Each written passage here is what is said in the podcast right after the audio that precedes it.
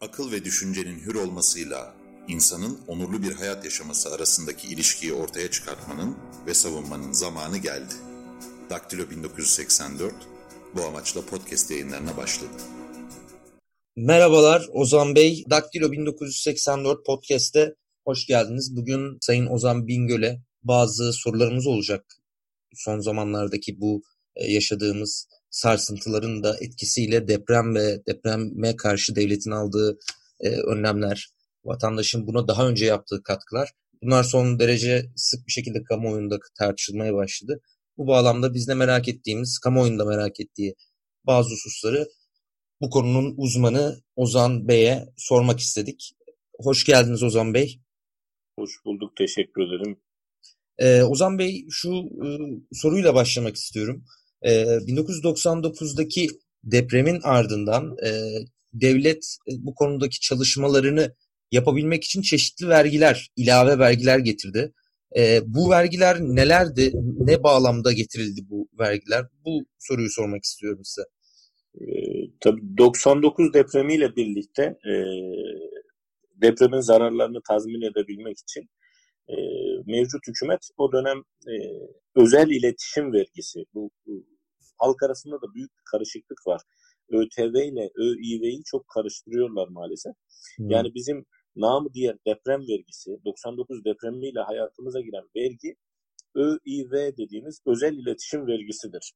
E, bu özel iletişim vergisi 99 depremiyle birlikte depremin zararlarını tazmin etmek, e, yeni oluşacak depremler için önlemler alabilmek, toplanma alanları, deprem bilincinin gelişmesi gibi harcamaları finanse edebilmek için e, salınmış bir vergiydi.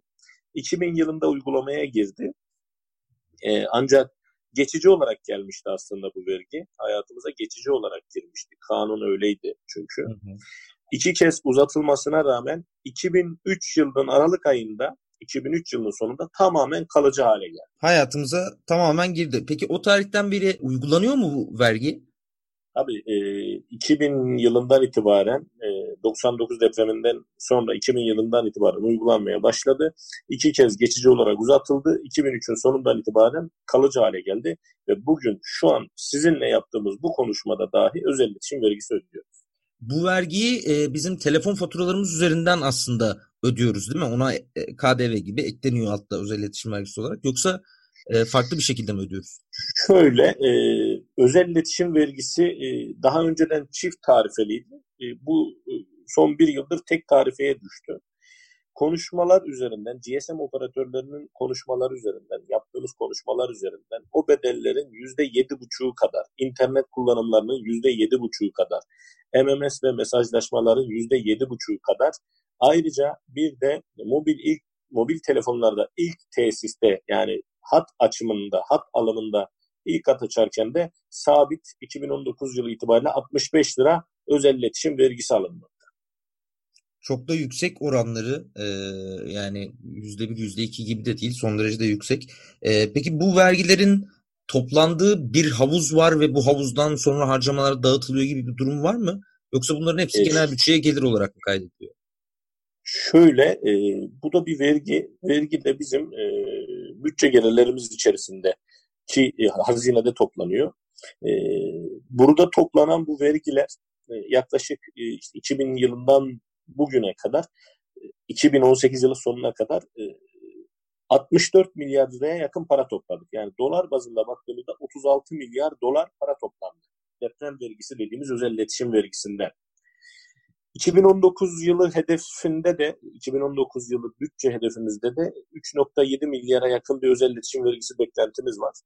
Onu da dahil ettiğimizi düşünürsek 2019 yılı son itibariyle neredeyse e, 67,5 milyar TL özel iletişim vergisinden para toplamış olacağız. Son 20 yılda değil mi? Tabii tabii. Uygulanmaya girdi 2000 yılından itibaren bugüne.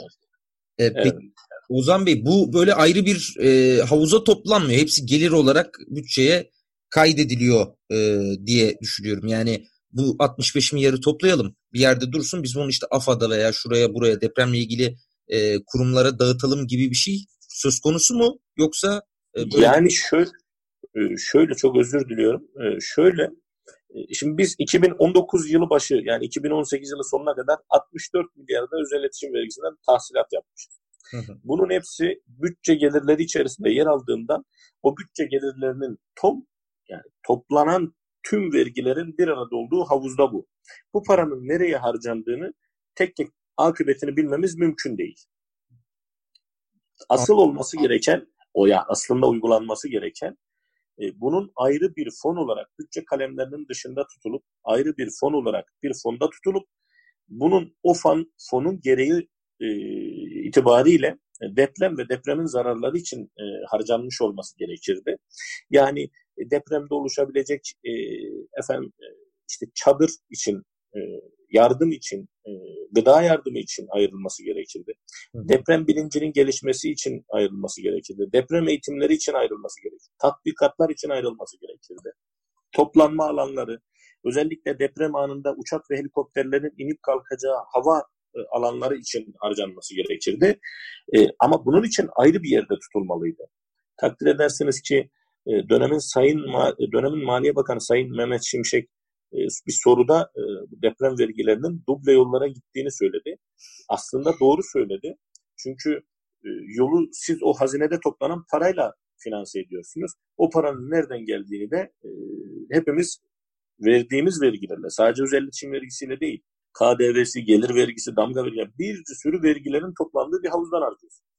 Yani o parayı takip etmek o nedenle mümkün değildi. Ayrı bir fon olması gerekirdi. Ama orada da maalesef bizim ülkemizin fonlarla geçmişi zaten sıkıntılı. Yani bugün e, örneğin işsizlik fonu dediğimiz fon işsizler dışında her şeye harcandı. Demek ki bu da bir çözüm değil yani aslında.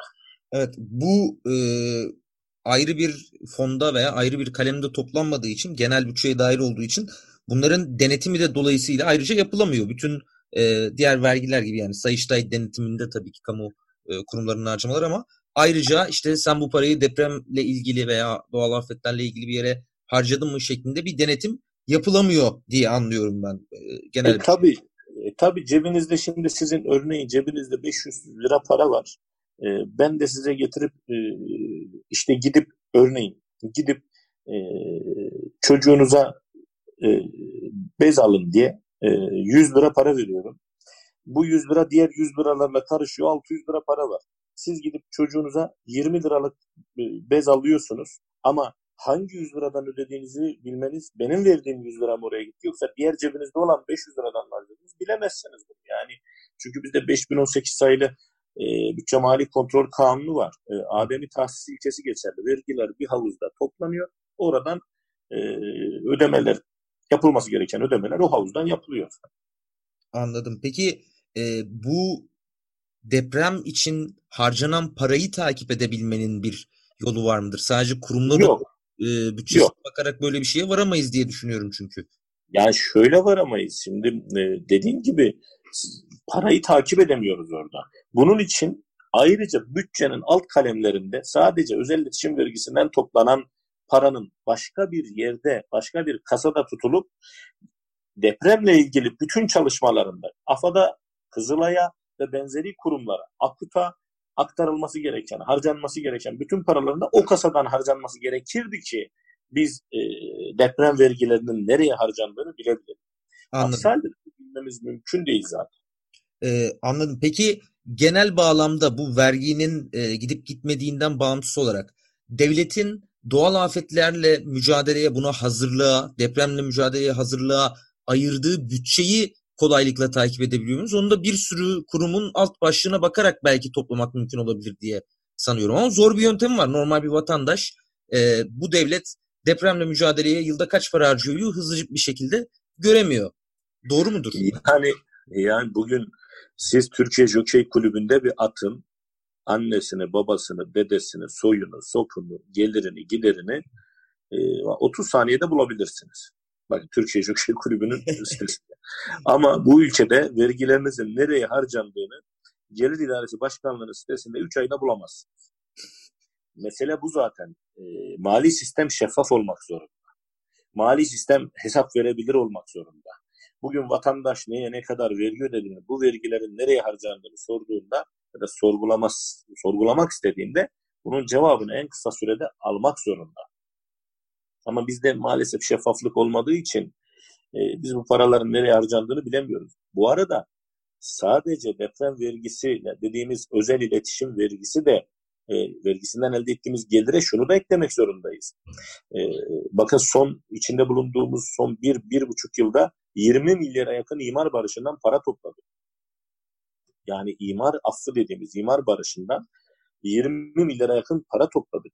Bu topladığımız paralar aslında e, yapısı uygun olmayan, kaçak yapılmış, ruhsatsız bütün binaları e, resmi hale getirdik bu paraları toplayarak. Bu da aslında deprem için harcanması gereken bir paraydı. Bu kaçak yapıların e, vereceği zararları önlemek için aslında yapılması gereken, harcanması gereken bir para. Onu da dahil ettiğimizde bizim e, doğal afet e, olan deprem için aslında hala hazırda kenarda 84-85 milyar TL paramızın olması gerekir. Var mı acaba gerçekte böyle bir para peki? Ben de ben de onu soruyorum. Yani işte diyorum deprem için ne kadar harcandı? Deprem için hangi önlemler alındı? Son sorum da o. Para nerede? Para nerede? Evet, evet e, Türkiye'deki e, bütçenin şeffaflığının çok zayıf olması ve zaten ayrı bir kaleme gitmemesi, ayrı bir fona gitmemesi bu vergilerin takibini de imkansız kılıyor. Harcamaların takibini de imkansız kılıyor. E, ve dolayısıyla zaten hesap sorma bilinci çok yüksek olmayan bir toplum olarak e, hesabını da bunun e, soramıyoruz. Bu para ne kadardı bilmediğimiz için bu kadar para nereye gitti de diyemiyoruz.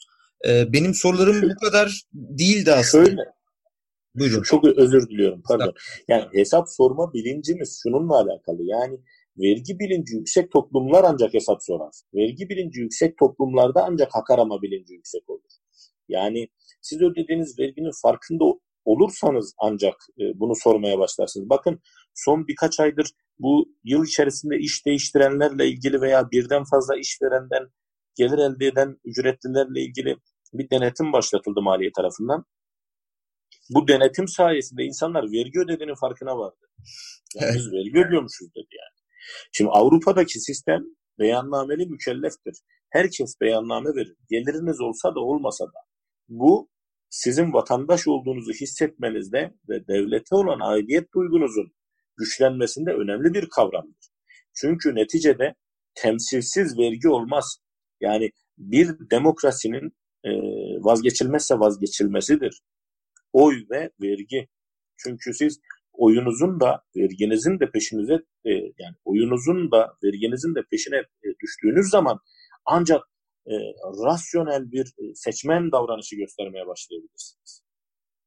Benim burada hep e, örnek verdiğim bir şey var. E, Tokat'ta Cumhurbaşkanı e, mitingde 3. köprü inşaatını müjdeliyor ve vatandaşlar müthiş bir sevinçle böyle çığlık çığlığa bağırıyorlar. E, yani bu da bununla bağlantılı bir şey. Hayatında hiç geçmeyeceği muhtemelen bir köprü yapılıyor ve onun parasıyla yapılıyor. Yani birisi havadan para getirmiyor. E, oturup ağlaması gerekir aslında. Bu kadar para parası devletin ve benim param oraya gitti ve ben hiç geç, e, geçmeyeceğim oradan diye ama e, maalesef ya ama şöyle e, verdiği verginin o, farkında olmadığından e, bunu bir lütuf gibi görüyor devletten gelen harcamaları her seferinde. E ama zaten şimdi bizim şöyle bir sıkıntımız var. Bizim, maalesef bizim e, siyaset e, mecrasında ya da siyasetçilerin üslubunda dilinde bir sıkıntı var. Bakın siz Fransa'da e, parlamentonun önündeki metrodan e, metroya bindiğinizde metronun girişinde çok büyük bir yazıyla karşılaşırsınız. Yazı aynen şöyledir. Bu metro Fransız vatandaşlarının katkısıyla yapılmıştır. E, yani ben hep şunu söylüyorum. Yaptığımız, yapalım, yatırımdır bunlar. Devletin altyapı yatırımlarıdır. Çok önemli. Köprü, yol. Ama bunlar öncelikle kamu kaynaklarıyla yapılmalıdır. Bir. Bir ikincisi yapılan bu e, yatırımlara kesinlikle e, bu örneğin işte A köprüsü e, tüm Türkiye vatandaşlarının katkısıyla yapılmıştır. İsmi e, örnek veriyorum işte Bülent Ecevit Köprüsü'dür. Yani ismi bu ülkeye e, imza atmış siyasetçilerin, politikacıların, bilim adamlarının olabilir. Ama hepsinin önünde şu mutlaka yazılmak zorundadır, anlatılmak zorundadır. Bu yol 82 milyonun vergileriyle yapılmıştır. Bu köprü e, Türkiye Cumhuriyeti vatandaşlarının e, katkısıyla yapılmıştır. Bu baraj e, Türkiye Cumhuriyeti vatandaşları tarafından finanse edilmiştir. Ama ismini şu korsunuz, bu korsunuz o önemli değil. Biz isme takılmıyoruz. Ama kimse cebinden bir parayla yapmıyor bunları. Bunları 82 milyonun ödediği vergilerle yapıyor. Vatan, e, vatandaşın ödediği vergilerle yapıyor yapanlar, yönetenler. Bu e, yani uzun vadede vatandaşın devletle olan arasındaki bağı çok kuvvetlendirir e, Ali Bey. E, zaten burada şöyle benim daha önce fark ettiğim ve e, komiğime de giden bir şey var. Bizde e, vergi mükellefi lafı var. Vergi vermekte mükellef olan kişi. Amerika'da bu e, taxpayer İngilizce'de. Yani vergi veren. Burada bile e, Ay, da, daha da çok güzel e, görebiliyoruz aslında. Devletin vergi bakışı. Ay, ben daha daha net örnek vereyim. Taxpayer dediğimiz iş e, Fransa'da karşılığı nedir biliyor musunuz? Nedir? Katkıda bulunan. Ne kadar güzel. Bakın nezakete bakar mısın? Bize geliyorum.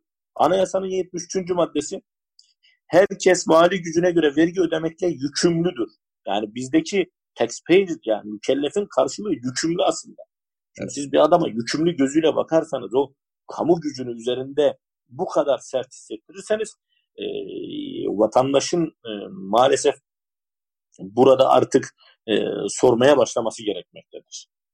Yani şimdi Japonya'da da deprem oluyor. Japonya'da bizden daha sık deprem oluyor.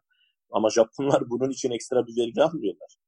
Mevcut bütçeden olan e, deprem için ne harcanması gerekiyorsa yine bütçeden harcıyorlar.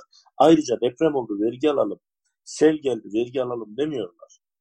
Mevcut vergilerle bunları e, toparlamaya çalışıyorlar. E, ayrıca e, yani Japonya'da devlet halkı için bunları yapıyor. Bizde aslında sanki bir tam tersi gibi bir uygulama var. Yani e, halk bu anlamda harcamaları finanse ediyor.